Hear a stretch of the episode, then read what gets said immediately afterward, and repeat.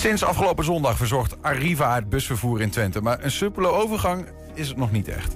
Scholengemeenschap Grijdanus in Enschede is jarig en mag 100 kaarsjes uitblazen. We gingen langs bij een bijzondere maquette van Enschede Michel Ruwe... die het stadhuis van Enschede heeft nagemaakt. Niet de huidige, maar het stadhuis dat is afgebrand in de stadsbrand. En we praten met Damstee-advocaat Arjon Tiemann over wanneer je zoekt naar een perfect cadeau, fysiek of op internet. Waar moet je dan op letten? Het is donderdag 14 december. Dit is 120 vandaag. 120. 120 vandaag. Sinds afgelopen zondag verzorgt Arriva het busvervoer in Twente. Maar een soepele overgang van Keolie naar Arriva is het niet echt geworden. Ritten die uitvallen, vertragingen en boze reizigers. Bij vakbond FNV Streekvervoer zijn veel eh, klachten binnengekomen van de chauffeurs. We gaan daar zo meteen over bellen. Ehm, maar ik denk misschien dat het goed is dat we dan eerst gewoon naar het andere gesprek gaan, eh, Julian. Dat kan, maar we kunnen ook eh, eigenlijk gewoon... Oh, we kunnen hem ook live bellen. We kunnen hem ook live bellen. Dan eh, wachten we even tot John Peters de telefoon opneemt. Hij is eh, FNV-kaderlid en buschauffeur eh, bij Arriva. Dus hij kan over beide dingen wat zeggen. Hoe hij het zelf ervaart als buschauffeur, maar ook over hoe andere buschauffeurs het ervaren. Peters, hi. John, John. Peters, eh, goedemiddag. Je bent live op de radio bij 120 vandaag. Dat is mooi. Ja, wel, Nou, dat is eigenlijk niet zo mooi, want ja de, de, de aanleiding is minder mooi. inderdaad. Want, eh, want het is niet echt ehm, nou ja, de start waar iedereen op gehoopt heeft, hè, dat eh, Arriva-verhaal. Nee, daar heeft helemaal niemand op gehoopt. Eh, wij chauffeurs niet, maar ook Arriva zelf niet. Wat is er precies aan de hand? Arriva, nou, er zijn, ehm, eh, we hebben een, een mooie vloot gekregen. Als het rijdt is het perfect, die nieuwe elektrische bus. Maar eh, er zijn heel veel storingen in de bussen. Eh, accu's die niet volledig geladen zijn of geladen worden door eh, storingen.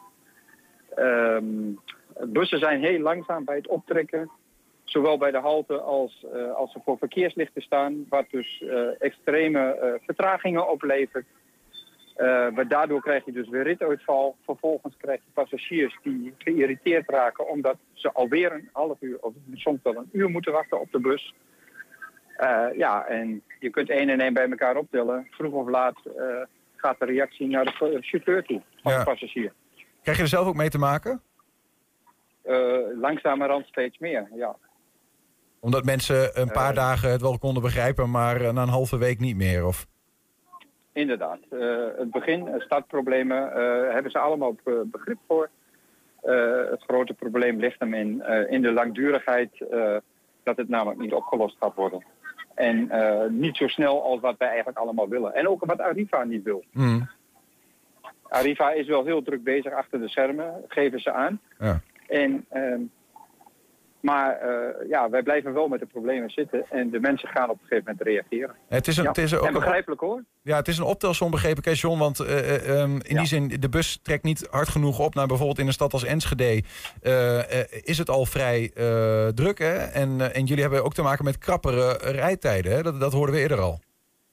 Inderdaad, de- onze, onze dienstregeling is eh, behoorlijk eh, ingekrompen. Ehm, een rit van, van het station naar de buitenwijk toe eh, is al gekort met eh 1 à 2 minuten. Nou, als je dan ook nog weer 1 à 2 minuten minder hebt om terug te komen, nou, en dan de verkeerschaos die erbij is, en daarbij dat je dus bussen hebt die gewoon eh, ontzettend langzaam optrekken, ja, dan is het een optelsom en dan kom je zo in de vertraging van 7, 8 minuten. 7 En tot als je 8 heel veel minuten. hebt- ja, en als je heel veel pech hebt, dan heb je soms een vertraging van 20, 30, 50, 50 minuten. Ik heb eh, maandag het verhaal gehad dat ik eh, gewoon helemaal geen bus kwam opdagen. En dat ik gewoon 50 minuten op het station in Hengelo staan en wachten op een bus. Wauw. Ja, En- nee, ja.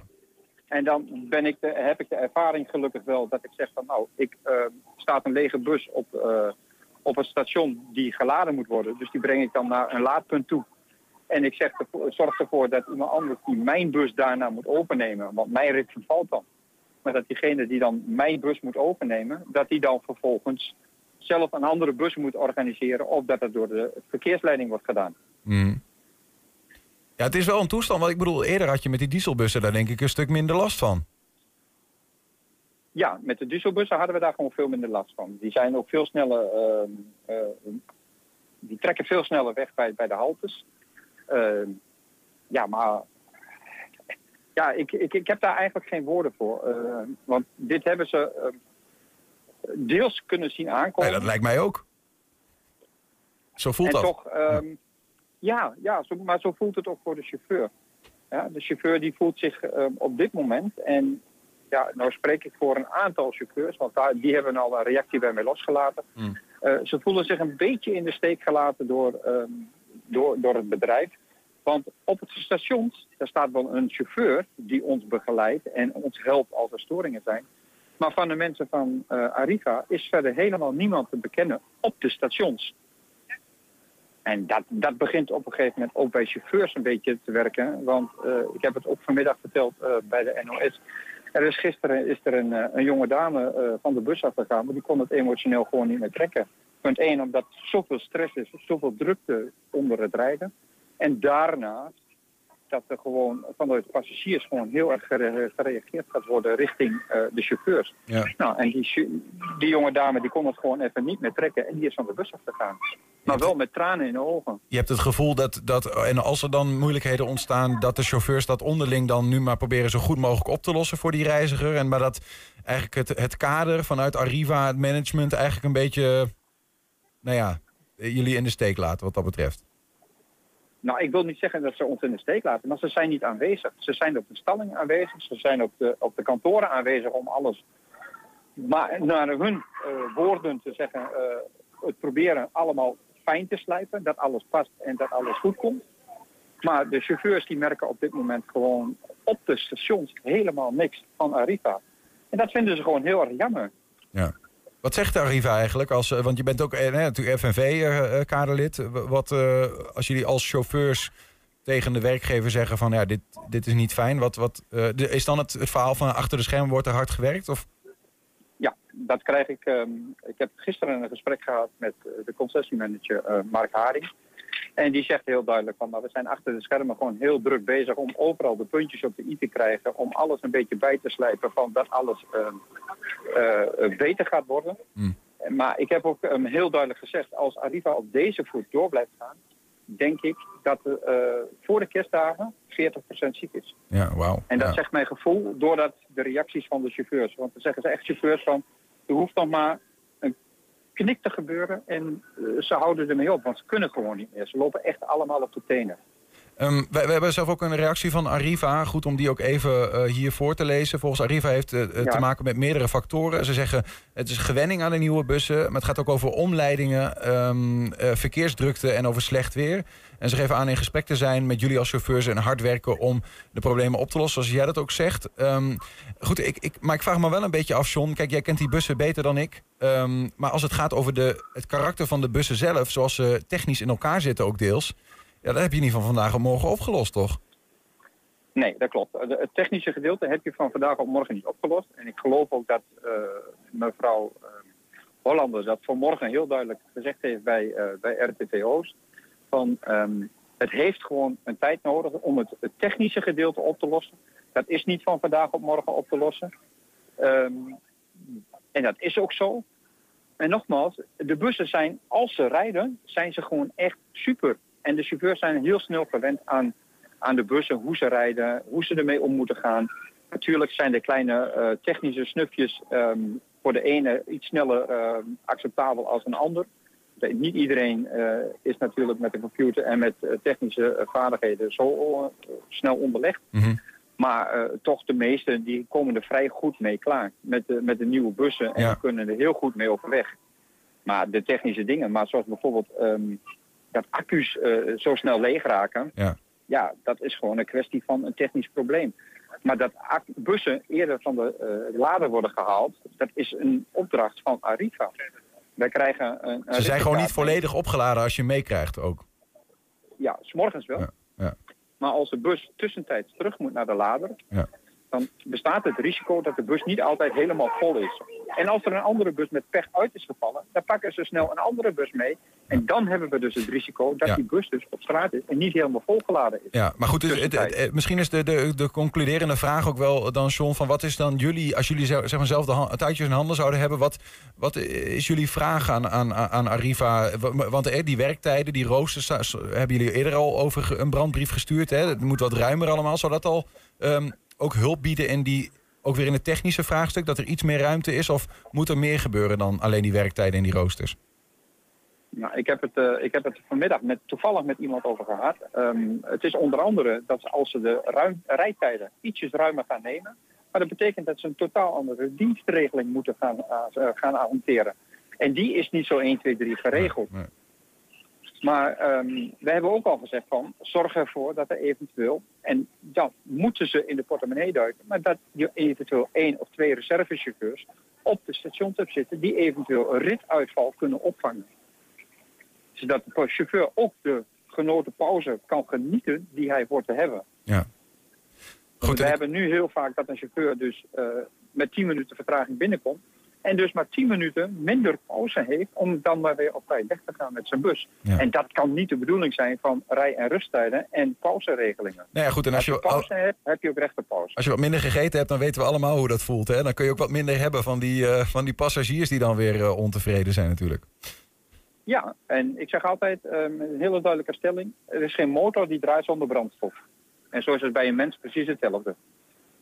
Ja, en bij een bus ook. Ja, het is, het is, het is een mooie conclusie ja. van dit gesprek misschien wel, John. Uh, uh, dank je wel even dat je bij ons toelichting wilde geven over hoe het gaat. En ja, ik, ik, hoop dat er ook na de kerst nog wel meer dan 40% van de buschauffeurs er echt overeind staat, eerlijk gezegd. Dat hopen wij allemaal. Ja. En wij John... doen ons best en we ondersteunen elkaar allemaal aan de, aan de goede kant. En uh, ja, we maken er gewoon met z'n allen het beste van wat we kunnen. John Peters, dankjewel. En uh, veel, veel plezier ook nog hè, met het werk. Dank u wel. We doen ons best. Bedankt. Heb je een tip voor de redactie? Laat het even weten. 120.nl en dan redactie.120.nl is nog beter. Zometeen gaan we langs bij een hele bijzondere maquette van Enschedeer Michel Ruwe... die het stadhuis van Enschede heeft nagemaakt. Niet de huidige, maar het stadhuis dat is afgebrand in de stadsbrand. 120. 120 vandaag. Het is een bijzonder kind in Enschede. En dat is hij, dat zegt de directeur Martin Brouwer van scholengemeenschap Grijdanus... die deze maand het 100-jarig bestaan viert. Dat is bijzonder omdat de middelbare school van oorsprong... een streng gereformeerd karakter had en wie weet misschien nog wel heeft. De directeur zegt dat het bordje gereformeerd niet meer op de gevel staat... en dat de school open staat voor alle geloofsgenoten... zolang ze die christelijke identiteit eigenlijk maar onderschrijven. Uh, Martin, goedemiddag. Goedemiddag. Uh, naast jou zit Ria Pauwels, is coördinator identiteit bij Grijdanus. Ook goedemiddag, welkom. Allereerst aan beide uh, gefeliciteerd ook. Ja, dankjewel. Ja. Dankjewel. Um, we zijn heel benieuwd hè, hoe jullie het eeuwfeest gaan vieren en zo. En hoe de, um, vooral misschien ook wel hoe de school eigenlijk ja, in die, die jaren, decennia van ontzuiling, zeg maar, is ontwikkeld. Yeah. Um, en misschien nog wel steeds die, die hele christelijke identiteit heeft, of minder, weet ik niet. Misschien om te beginnen, Martin, bij jou, wat maakt Grijdanus een unieke school? Ja, Grijdanus is een, uh, een school die, uh, die ja, gewoon school is, maar waar ook geleerd en geleefd wordt vanuit de Bijbel. En uh, dat maakt ons uniek. Dat maakt ook dat wij een bepaalde doelgroepen aanspreken in Enschede en omstreken. Van ja, wil je met ons die, die zoektocht door de Bijbel gaan maken? Um, wij zijn geen grote school, een kleine school zelfs. En uh, dat maakt ook dat we je heel goed kunnen zien. het personeel is er ook op gericht om leerlingen te zien en te helpen in zijn uh, ontwikkeling. En dat gaat over meer dan een diploma. Het gaat ook over wie je bent als persoon. En hoe je de wereld tegemoet treedt. Ja, maar wel heel duidelijk ook nog met dat christelijke signatuur. Ja, en uh, bij ons gaat elke dag de Bijbel open. Elke dag worden handen gevouwen. Um, dat blijft onze basis. En dat vind je terug doordat al ons personeel, zeg maar, echt overtuigd christen is. Uh, en het ook uitdraagt. Uh, we werken natuurlijk met pubers. Hè, dus staan die altijd open voor dingen uit de Bijbel. Nou, dat is uh, elke dag weer een, een, mooi gesprek, zeg maar. Mm -hmm. um, dus op die manier uh, zul je het ook zeker merken in de school. Ja, ja ik ben wel benieuwd hoor. Daar gaan we zo verder over ja. praten, over hoe dat dan werkt in deze tijd. Ria, je bent coördinator identiteit bij Grijdanus. Ja. Wat, wat betekent dat eigenlijk? Wat betekent dat? Nou ja, weet je, je kan natuurlijk mooie woorden op een gevel zetten. Daar staat nu kom leren, leven, geloven. Maar hoe doe je dat in de praktijk? En uh, daar ondersteun ik gewoon de collega's mij. Dus als we een dagopening doen, hoe doen we dat dan? Hoe ga je in gesprek? Hoe verbind je uh, hoe je denkt over het leven? Nou, heel concreet bijvoorbeeld in de week tegen het pesten. Hè, wij zeggen in de Bijbel staat, heb jezelf vooral lief en heb ook de ander lief, want iedereen is waardevol. Nou, hoe verhoudt zich dan tot, dat, tot wel of niet pesten? Mhm. En dan nou ja, maken we dagopeningen en dan gaan we daarover in gesprek. Eh, want ja, dat haal je niet uit de standaard schoolboekjes. Dus dat, dat maken we samen. Ja, ja, dus het- niet elke school heeft een coördinator identiteit zoals dat jij dat Nee. bent. Dat is wel echt belangrijk om Ja. ook iedereen op een soort van op eenzelfde manier naar de lesstof te laten kijken of wat dan ook. Ja, is dat ook eh, hebben, want eh, ben je dan voor leraren van Geidaans ook een vraagbaak van joh, hoe ga ik hier nou mee om Ja. binnen dat christelijke kader, zeg maar? Ja. Ja, precies. De, die, die, die leerlingen, hè, want Martin zelf van die, die komen niet alleen uit Enschede, omdat het, omdat het een vrij specifieke doelgroep is waar jullie in ieder geval in beginsel je op gericht eh, hebben. Ja, Waar komen ze vandaan eigenlijk?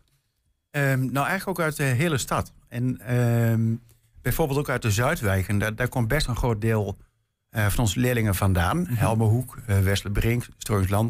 Want de school staat hier iets verderop. We zitten in Roombeek, maar zitten in Enschede Noord eigenlijk. Enschede eh, Noord. Eh, maar ook uit eh, Hengelo, uit Overdinkel, Oldenzaal, Boekelo. Dus echt de omliggende plaatsen. ja. Is dat al 100 jaar dat die school eigenlijk daar Nee, op diezelfde nee. plek staat? Nee. Nee, en het is- heet ook niet 100 jaar Geidanus. Hè. Het is het, je noemde het al vanuit de Grif Middenzuil opgericht. Het is eigenlijk gereformeerd middelbaar onderwijs wat zijn 100-jarig bestaan heeft. Sinds eh, 1993 heten we Geidanus. Ehm, ehm, dit, eh, de school heeft niet altijd in dit pand gezeten. Eh, hiervoor staat dan de Blijdensteinlaan. En daarvoor nog weer op een andere plek. Ja.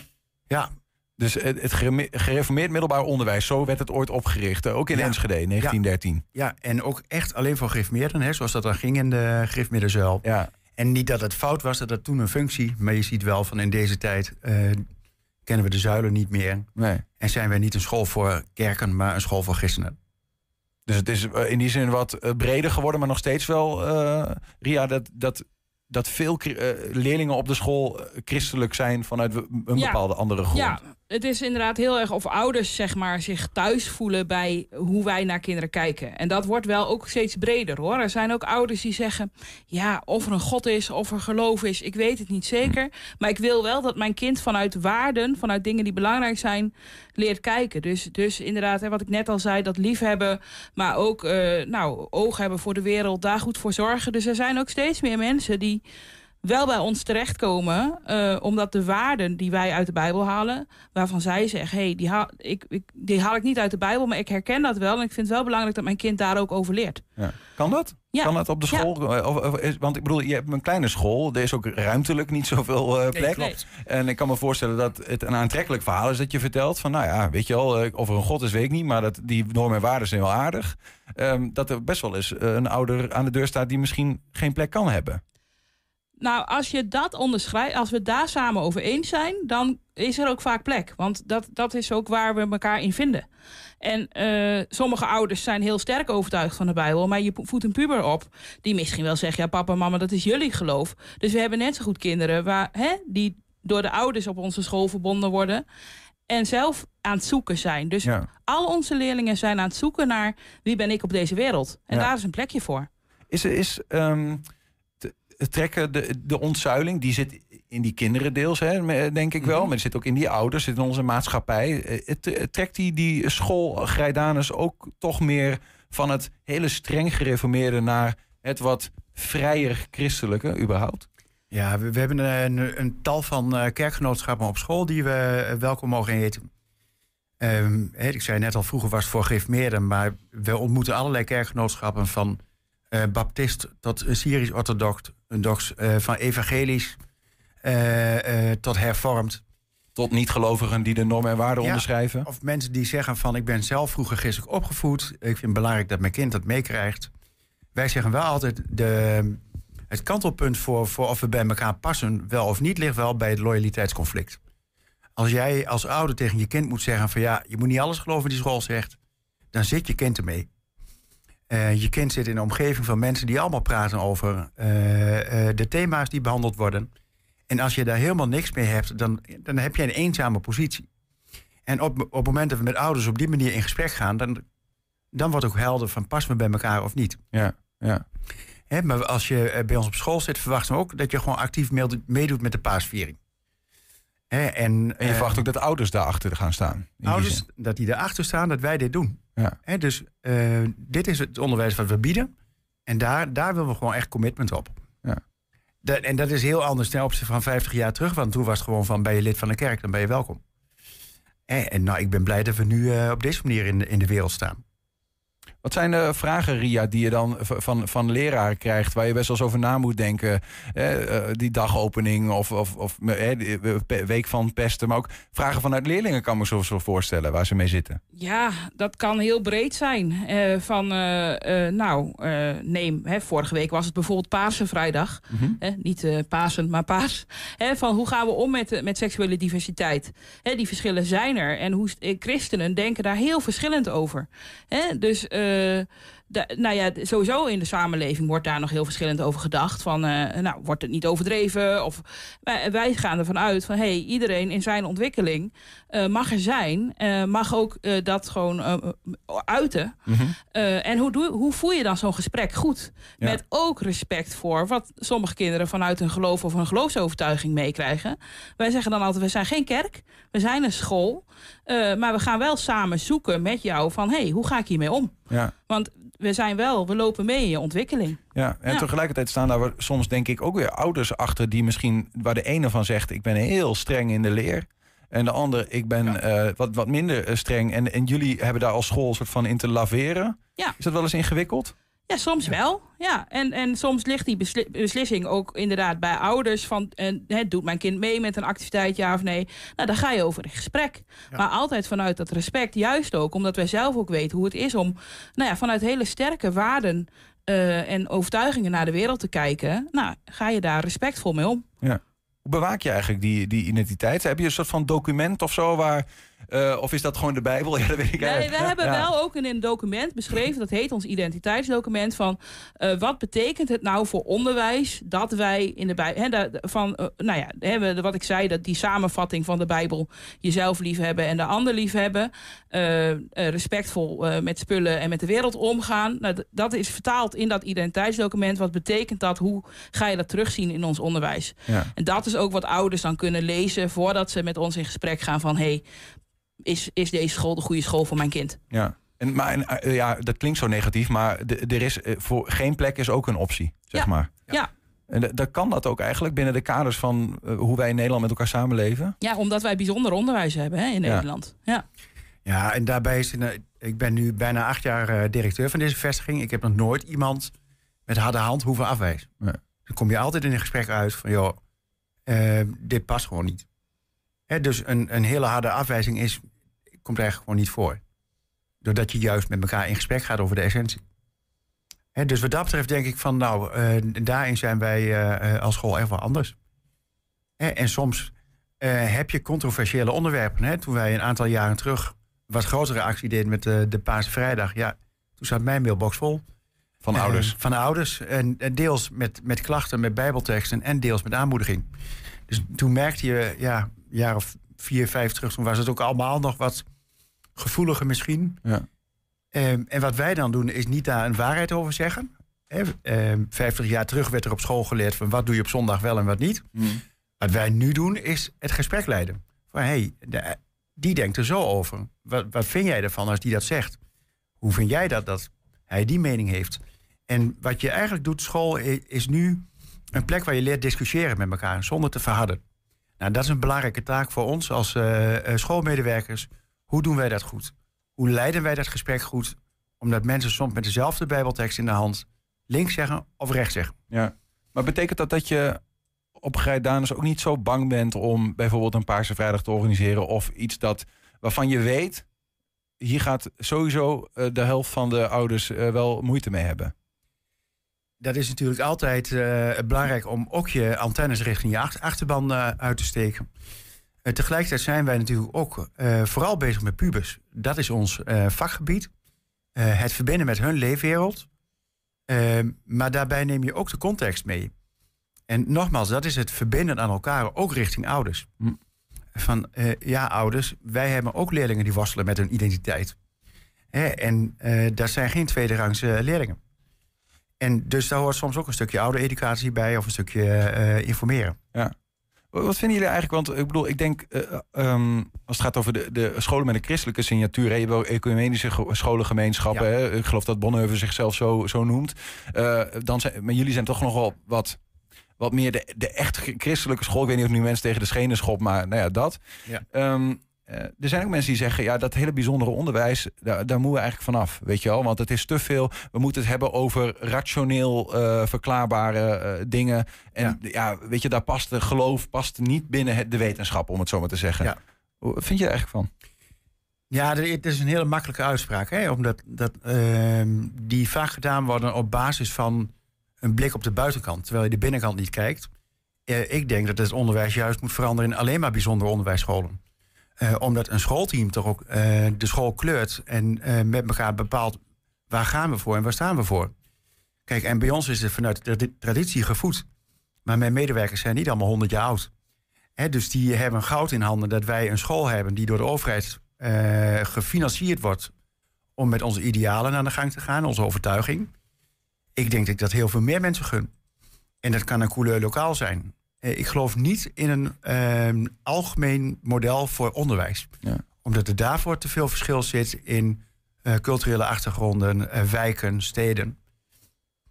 Maar goed, dat is maar mijn opvatting. Ja. ja, wat ik daar nog wel op aan wil vullen. Kijk, onderwijs is om ingewikkeld te zeggen, kwalificatie. Je haalt een diploma. Dat kun je op elke school halen. Dat kun je op een openbare school halen. Dat kun je op een algemeen christelijke school halen. Of op een specifieke school. Mhm. Maar onderwijs is ook vorming. Je wordt gevormd op de plek waar je zit.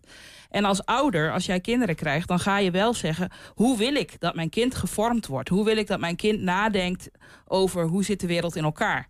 Uh, en ik denk dat het heel uniek is wat we in Nederland hebben. Dat ouders dus kunnen zeggen: ik kies voor een school waar mijn kind op een bepaalde manier gevormd wordt. En waar, ik, waar daar niet overheen gepraat wordt. Waar niet gezegd wordt, de, de docent mag geen mening hebben. Want zo werkt de samenleving niet. Iedereen heeft in werkelijkheid een mening en die kom je tegen. Ja. Dus dat vormende stuk van onderwijs is volgens mij heel belangrijk. En dat ja, geeft juist heel mooi dat je gewoon die smaakjes in onderwijsland in Nederland kunt kiezen als ouder. Dat, dat gaat uh, bij Grijdanen soms zo ver dat de ouders ervoor kiezen dat mijn kinderen gaan. Die wonen dan misschien wel in Enschede, maar die gaan uh, de middelbare school nadat ze bij jullie zijn geweest. Want ik geloof dat het niveau gaat op bepaalde klassen. Uh, stopt het. Hm. En dan gaan ze daarna verder in Zwolle.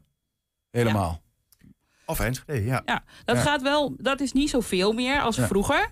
De, dus vroeger zeiden ouders echt, ja, die vorming gaat boven alles. Dus kinderen gaan daarvoor reizen. Tegenwoordig zeggen ouders bijvoorbeeld wel, want inderdaad de HAVO en de VWO-leerlingen kunnen tot en met klas 3, dus de onderbouw bij ons doen. Uh, die gaan dan drie jaar lang. En dan zijn ze tussen de 12 en de 15. Nou, dan zijn je hersens enorm in, in ontwikkeling. Nog even drie jaar bij ons. Ook wel vaak omdat het klein en veilig is. Hè?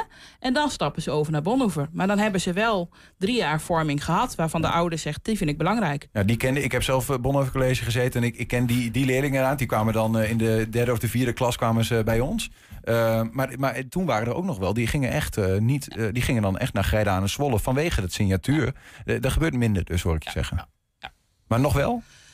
Nog wel, ja, daar is elke ouder natuurlijk vrij in om te kiezen van. en sowieso is het natuurlijk heel erg de trend op dit moment om te zoeken naar welke school past bij mijn kind. Ouders komen langs op de open dag met hun kind en die kijken naar hun kind van hé, hey, hoe voelt mijn kind zich op deze school? En daar laten ze hun schoolkeuze door beïnvloeden. Um, deze maand is er Grijdanus, of eigenlijk dan Grijdanus niet, maar de gereformeerde middelbare onderwijs. onderwijs ja, zou ik het uh, zeggen. Ja. Uh, in Enschede, ja. 100 jaar oud. Ja. Uh, Grijdanus als naam dus vanaf 1993? Ja, klopt. En, 30 jaar? in in zeg maar 1923 is de, de school echt geopend. we brengen voor, deze, voor dit jubileum een glossy uit, waarin ook echt foto's uit het verleden zijn opgenomen, waarbij je ook de opening ziet van 1923.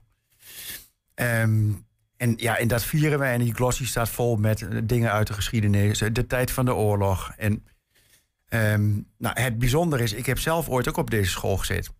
En ik heb de verhuizing meegemaakt van de Blijdensteinlaan naar de plek waar we nu zitten. Dus ik heb nog één jaartje rondgelopen op de, de Blijdensteinlaan. En zo een stukje geschiedenis van de school in mijn bagage. Mooi, de cirkel is uh, een beetje rond zo. Klopt. En Grijdanus is eigenlijk nog steeds wat ik toen ook ervoer: een kleinschalige school waar je gezien wordt. En dat probeer ik misschien wel onbewust ook door te zetten. Maar het is in ieder geval waar ik achter sta. Ja, precies. Eh, maar, maar goed, een, een glossy. eh, eh, je werkt met pubers. Ik weet niet of die nog veel lezen als het om glossies gaat. Maar gebeuren er ook nog andere activiteiten? Ja, zeker. zeker. Ehm, een van de dingen die wij ook doen is natuurlijk de christelijke feesten vieren.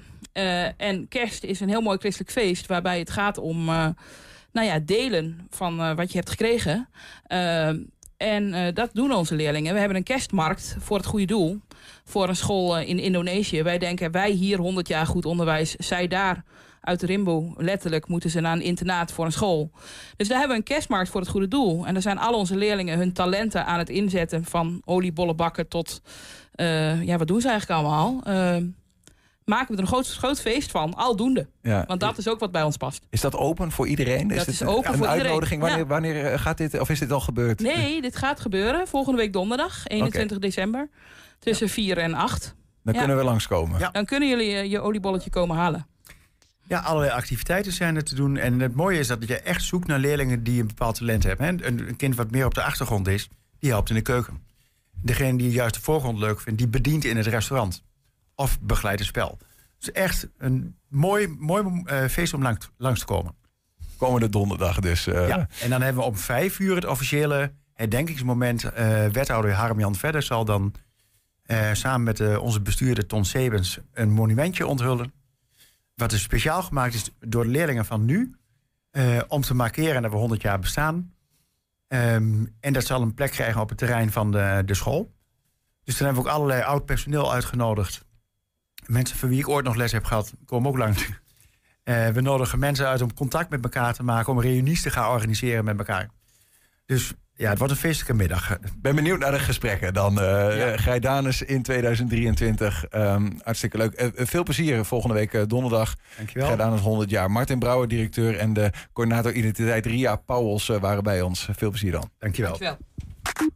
We zijn ook als podcast te beluisteren via alle bekende platforms. Je vindt daar de hele uitzendingen. Die kun je vinden op 120 vandaag. En je kan ook iedere dag één item uitgelegd vinden. Uitgelicht, sorry. Dat kun je vinden op 120 vandaag. Uitgelicht. 120 vandaag. De meeste Enschedeërs kennen het stadhuis liggend voor het ei van Co in de binnenstad. En Dat zag er vroeger allemaal iets anders uit. Dit weten we door een tweetal tekeningen die gemaakt zijn van het stadhuis in 1832. Enschedeër Michel Ruwe zag deze tekeningen en heeft in anderhalf jaar tijd een maquette van dat pand weten te maken. En wij gingen eens kijken naar die bijzondere maquette.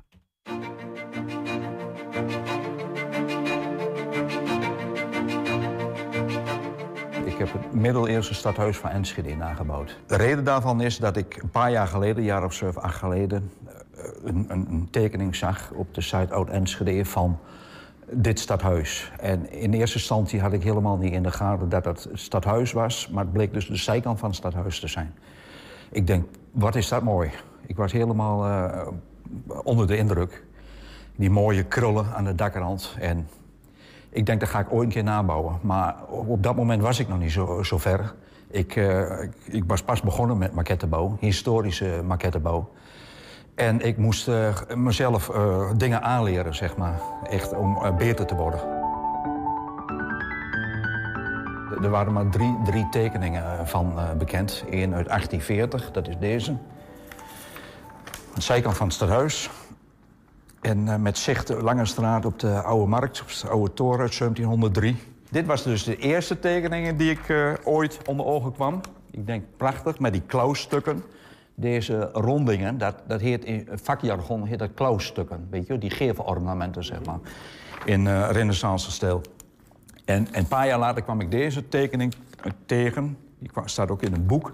Dat is de voorkant van het stadhuis, eh, net na de stadsbrand. En toen ik deze tekening onder handen kreeg, een paar jaar later, na deze, ik geloof twee jaar later of zo, toen dacht ik van, dat is de laatste schakel om dit eh, na te kunnen bouwen. Want nu had ik de voorkant met de hoofdingang. Kijk, dit is die eh, plattegrond van het stadhuis van 1832. Nou zie ik hier zo'n uitbouw, zeg maar, dat, dat, die rechthoek zo. Ik denk, wat kan dat geweest zijn? Dus ik heb piekeren en piekeren. Ik denk, weet je wat, ik, ik maak er gewoon het koetshuis van. Voor de koets van de burgemeester en het paard van de burgemeester. Die hele gevelpartij hier, zo kun je zien op de kadasterkaart, die loopt helemaal schuin. Het is niet alleen dit eh, stadhuis van Enschede, maar die, die, die, die, al die gevels. Die. En ja, daar kon ze makkelijk met de koets dus de hoek om. Weet je wel, dat dat iets smaller, iets makkelijker is. Het moet gewoon perfect op, de vierkante millimeter. Dus hier zie je een vogeltje op staan. Die heb ik dus ook in modelbouwwinkel kunnen kopen. Zit daar ook op. En eh, ik heb thuis een loopbril. Die vergroot tien keer. En ja, want dit is allemaal zo klein. Ik bedoel, ja, die, die, de raamhout, dat witte, dat is kozijnhout. Maar daarin zit ook nog raamhout. Dat is dus een, een, een kwart eh, millimeter bij een halve millimeter. En dat pak je dus met pincetten vast, want dat kun je met de vingers niet. En dan echt met een strakke hand in de lijm en dan drek plakken en hopen dat het direct goed is. want Anders kun je opnieuw beginnen. Even na een borrel s'avonds, stevige whisky of zo. En dan even s'morgens. eh dat, eh, en, en dan gaat het 's morgens zo of zo. Echt niet aan beginnen, direct stoppen. Uit ervaring spreek ik dan, hè. Ja, het was echt, echt. eh, als je zoiets ziet. Eh, Ja, eh, ik krijg. eh, Je hebt wel eens van die hele mooie kersthuisjes. Dat je bij iemand langs gaat voor zo'n kersthuisje. Daar vond ik dit op lijken, maar dan nog mooier. Je hebt er niet meegenomen. Dat kan ik eh, eh, eh, juridisch. eh, Bevestigen, nog ontkennen. Ja, maar Ja. als de sociëteit zoekt, jullie zullen me nooit vinden. Mooi man. 120 vandaag. Nou, dat is de maand van de feestdagen. Hè? De drie kaatsenballen zijn eh, in het net. De letter van banket is inmiddels verteerd. Op naar de kerst. Als je straks met je mandje door de winkelstraten loopt... op zoek naar het perfecte cadeau, fysiek of op internet... waar moet je dan eigenlijk op letten? We gaan even shoppen en dat doen we met kooprecht advocaat Arjan Tiemann. Dit is mijn uitspraak en daar moet u het mee doen. Rechtspraak met Damstee Advocaten. Arjan, goedemiddag. Goedemiddag. Ben jij iemand die kerstcadeaus eh, geeft eigenlijk? Eh, nee. Nee, Eh, ik koop voor mezelf wel eens wat leuks, maar geven doe ik niet. Nee, ja, ik... Je, je zou eens wat meer het. moeten geven. Zo'n man is het, ja, ja, ja. Nee, maar ik ook niet echt. En jij dan, Julianne, eigenlijk? Eh, ik Kerstcadeaus? eh, eh, geef wel kerstcadeaus aan, aan mijn vrienden wel eens. ja? Gewoon uit een soort liefdadigheid, maar dan drinken we het daarna ook samen op. Dat snap ik. Ja, nou, ik vroeg het ook even op de redactie. En ik dacht van ja, eh, Nederland is. De, ik had het gevoel dat het een beetje een Amerikaans ding, hè, kerstcadeaus. Maar veel collega's toch wel die dan zeiden van ja, wel kerstcadeaus. Ja, dat, die eh, vroegen is eh, kerst en Sinterklaas samen vaak. hè? Dan, Ja, eh, ja. ja, op Dus Sinterklaas is een nieuw iets. Ja, lijkt het wel op. Ehm, nou goed, we, we, we- je, ze hebben hier wel eens eerder aan tafel gezeten. Hè, als het ging om eh, con- consumenten eh, dingen. Zijn, zijn er nog een soort van eerste ja, algemene dingetjes waarvan je zegt, nou ja, als je gaat, gaat winkelen, dan, dan is in ieder geval. Dan zijn dit belangrijke dingen om in ieder geval ook mee te nemen. Ehm, ja, dat ligt er een beetje aan of je echt de stad in gaat, hè, in, de, de, winkels binnenloopt, of dat je ehm, nou ja, online gaat shoppen, zoals het heel veel gebeurt eh, rond de kerst. Ehm, ja, dan zie je ook altijd, hè, de, de, de postorderbedrijven hebben dan ook de problemen met het bezorgen van pakketjes en het komt te laat. Hè. Dus als je het echt wil hebben, zou ik zeggen, ga naar de stad. Gok je erop dat het op tijd komt, ja, dan, dan is online wel een hele mooie, mooie omgeving. Eh, met name omdat je daar ontzettend beschermd wordt als consument. De consument, maar en, en dan soms nog, nog meer dan je eh, zou denken dat überhaupt mogelijk is. Er komen misschien nog wel op. Maar waar, waar, hoe ziet die bescherming eruit? Nou, je hebt eh, eigenlijk in de, in de afgelopen jaren, eh, het is echt wel een lange periode, zie je steeds meer dat die consumentenbescherming op gang komt. En dat komt eigenlijk vanuit de Europese wet en regelgeving. En dat wordt dan nog geïmplementeerd of toegepast in Nederland. En ehm, wat vinden ze dan in Europa? En dus ook in de Nederlandse wet heel belangrijk. Ehm, dat is op de eerste plaats dat zo'n consument, die, die ehm, nou, eh, laten we het even over de online wereld hebben, hè, die op een webshop komt, ontzettend goed geïnformeerd wordt over met wie doe ik zaken, hè, welke winkel eh, is dit, eh, waar zijn ze gevestigd, hoe kan ik ze bereiken per telefoon en per e-mail. En, eh, eh, en ook over ehm, wat koop ik precies. Want als ik bijvoorbeeld een, eh, nou, een televisie ga kopen als, ke- als kerstcadeau, dan wil ik weten welke televisie dat is, wat de prijs is, wat de aansluitingen zijn die op de achterkant zitten, ehm, eh, het modelnummer, de garantie, noem het maar op. Echt alles van begin tot eind Ja. wil ik zien voordat ik op die knop druk van deze ga ik kopen. En dat moet bekend zijn. Dat is een plicht. Ehm, ja, dan moeten ze je over informeren. En afhankelijk van, van welk onderdeel waar ze jou over moeten informeren, ehm, zijn er ook, eh, ook consequenties aan verbonden. Ehm, nou, heb je het bijvoorbeeld over de naam en de eh, eh, telefoonnummer van zo'n webshop, dan kun je daar wel wat mee. Maar dan heb je eigenlijk meer te maken met die verhouding tussen de webshop en de, en de overheid. De Nederlandse overheid. Die zegt van ja, als jij de consumenten niet goed informeert, krijg je bijvoorbeeld een boete. dat doet de, de ACM, ja, de Maar daar heb ik als consument, uh, als consument heb ik daar natuurlijk niet zoveel aan als ik mijn tv wil kopen. Nee, dat klopt. Hè? Maar gaan we een stapje verder. Want, want waar moet uh, zo'n webshop jou nog meer over informeren? Is bijvoorbeeld het herroepingsrecht. Ik heb als consument, als ik iets via een webshop koop, heb ik twee weken de tijd om uh, de koop om, ongedaan te maken. Hoef ik geen reden voor te geven. Ik kan gewoon binnen twee weken zeggen, nadat ik het product ontvangen heb, joh, ik, ik wil het niet meer. Hier heb je terug. En dan moet die ondernemer, hè, die webshop, jou het geld teruggeven. Informeren ze jou daar niet over. En dan, dan heb je nog een jaar de tijd om je te bedenken. En je kunt je wel voorstellen dat een televisie die je een jaar gebruikt hebt... Uh, en die stuur je terug, um, dat die wat minder waard is voor die webshop. Ja. Daar heb jij lekker van genoten. Ja. Ja. Maar dat, dat kan echt. Als er, als er niks over herroepingsrecht... maar dat is niet automatisch dat je, dat, dat zo, zo is. Uh, zij moeten daar iets over zeggen. Um, ja, nou, je hebt dat herroepingsrecht. Ja. Maar ze moeten dat ook expliciet vermelden. Hè, voordat jij uh, die koop sluit. Ja. En, en, gaan we nog een stapje verder bijvoorbeeld. Hè? Uh, wat moet zo'n webshop nog meer? Want dan, dan ga je zo'n proces door. Hè? Um, uh, nou, neem even een, een, grote webshop in gedachten en dan ga je een televisie kopen. En dan klik je op die, op die televisie hè? en die gooi je vaak in je mandje en die ga je, ga je kopen. En dan staat er een knopje onderaan. En daar moet ook echt duidelijk uit blijken dat als je daarop klikt en dat je een betalingsverplichting aangaat. Dus dat je iets bestelt en dat je ook moet betalen. Um, um, staat dat er niet, er staat bijvoorbeeld um, inschrijven of, of uh, ga verder of uh, maak de deal, uitroepteken, he, al die varianten. ja, dan voldoet zo'n webshop niet aan de informatieplicht. Ja.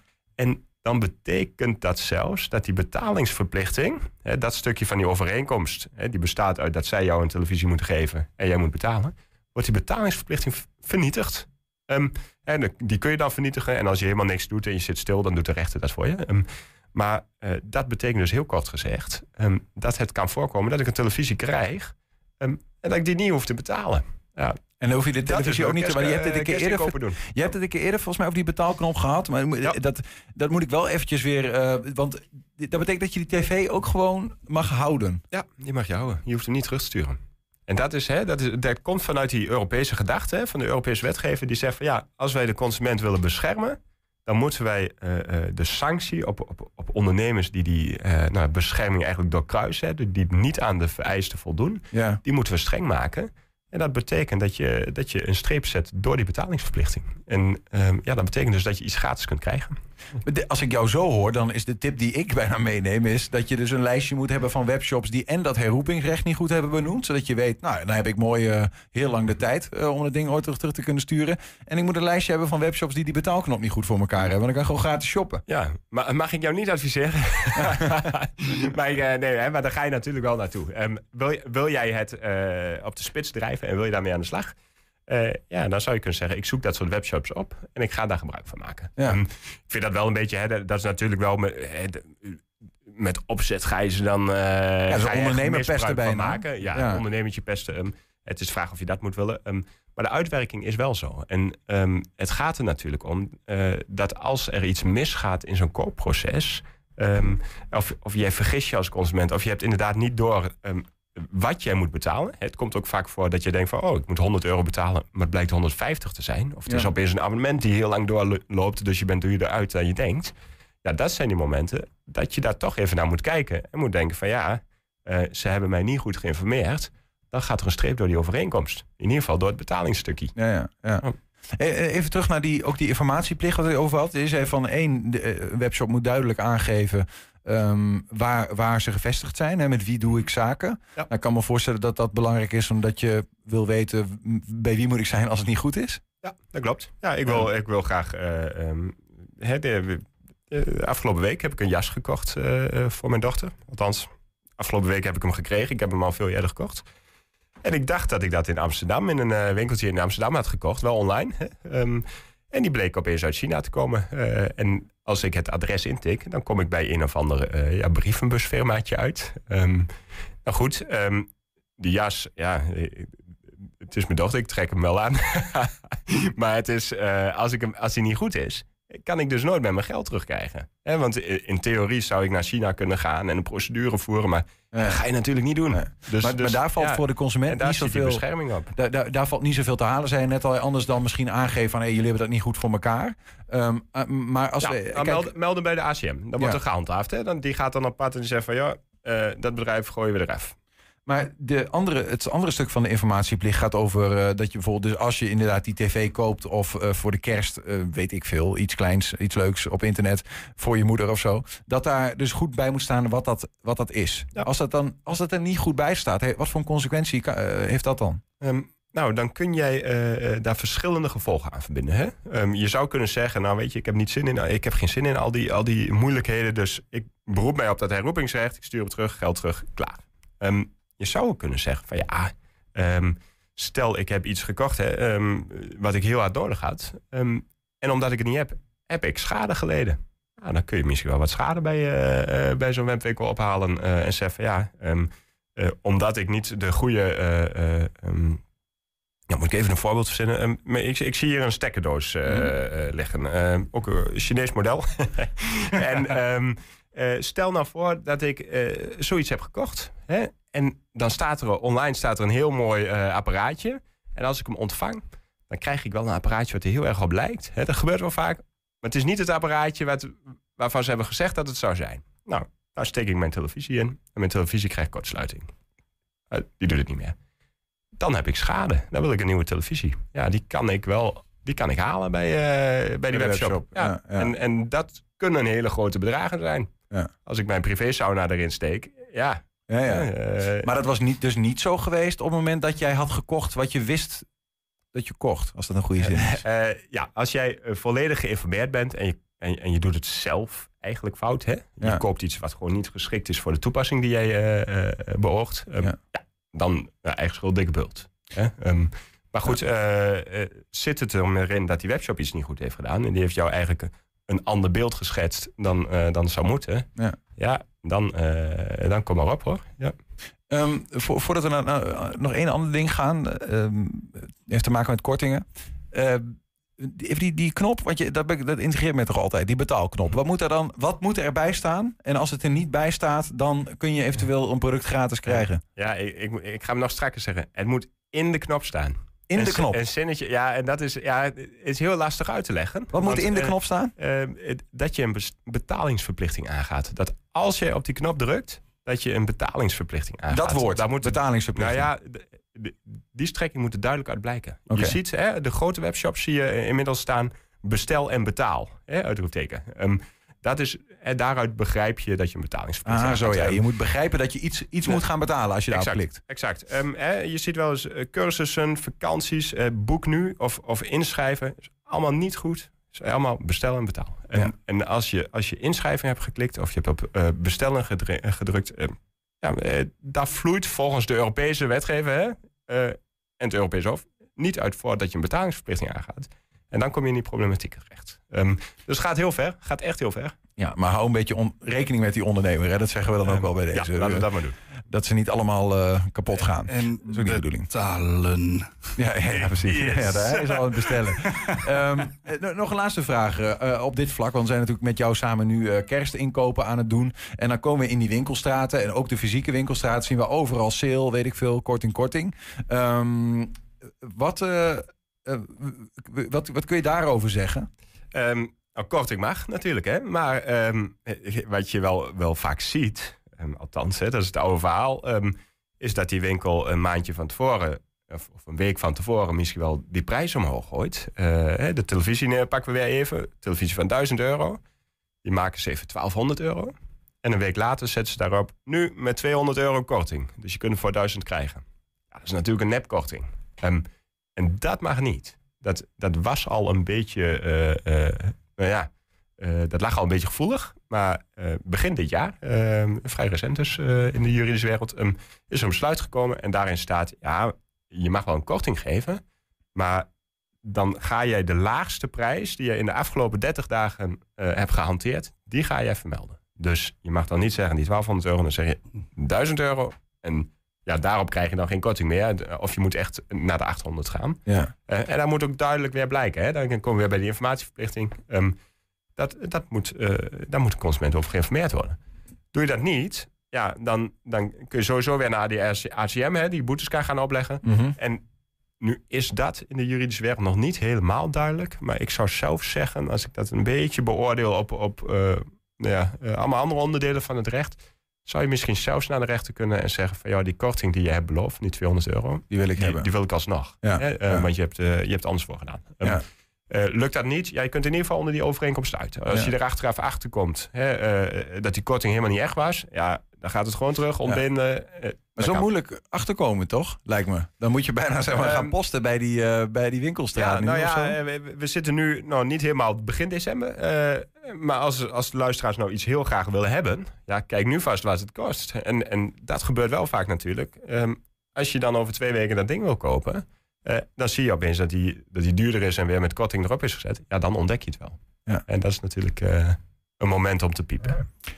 Goed samengevat, Arjon, eh, begrijp ik in ieder geval dat je als consument super eh, beschermd op pad gaat. Eh, maar en dat je, als je heel goed je best doet, zelfs nou ja, dingen gratis kunt, kunt krijgen. Je kunt met je ogen dicht door het internet klikken. Ja, dat klopt. Ehm, eh, maar, maar let er even op, op de, de hoekjes en de randjes van de webshops waar je, waar je rondloopt. en, En, en ja. kijk ook even, hè, als consument nou twijfelen, op de website van de ACM. Ehm, hè, dat is gewoon, ja, hè, dat is vanuit de overheid. Dan staan al die tips en trucs en, en alles wat die ondernemer of die webshop moet doen, staat er allemaal op. Je, eh, alle vragen die je hebt, die worden daar allemaal beantwoord. Ja, dat is tegelijkertijd ook dus een tip aan de ondernemer. Hè? Ja. Dus als je een eh, dropshipping jongen bent of zo, dan ja, eh, pas op. die, die mogen bij mij aankloppen. Ja. Staat genoteerd. Arjon Tielman, dankjewel. geen Fijne probleem. kerstdagen. En dat was 120 vandaag van vandaag. Terugkijken dat kan direct via 120.nl. En vanavond om 8 en 10 zijn we ook op televisie te zien. Zometeen op de radio Henk Ketting met de ketreactie. Wij zeggen veel plezier. Tot morgen. Thema beveiliging staat voor betrokkenheid, adequate optreden en betrouwbaarheid. Waar de concurrent stopt, gaat thema beveiliging net een stap verder. Thema beveiliging levert alle vormen van beveiliging voor zowel de zakelijke als de particuliere markt.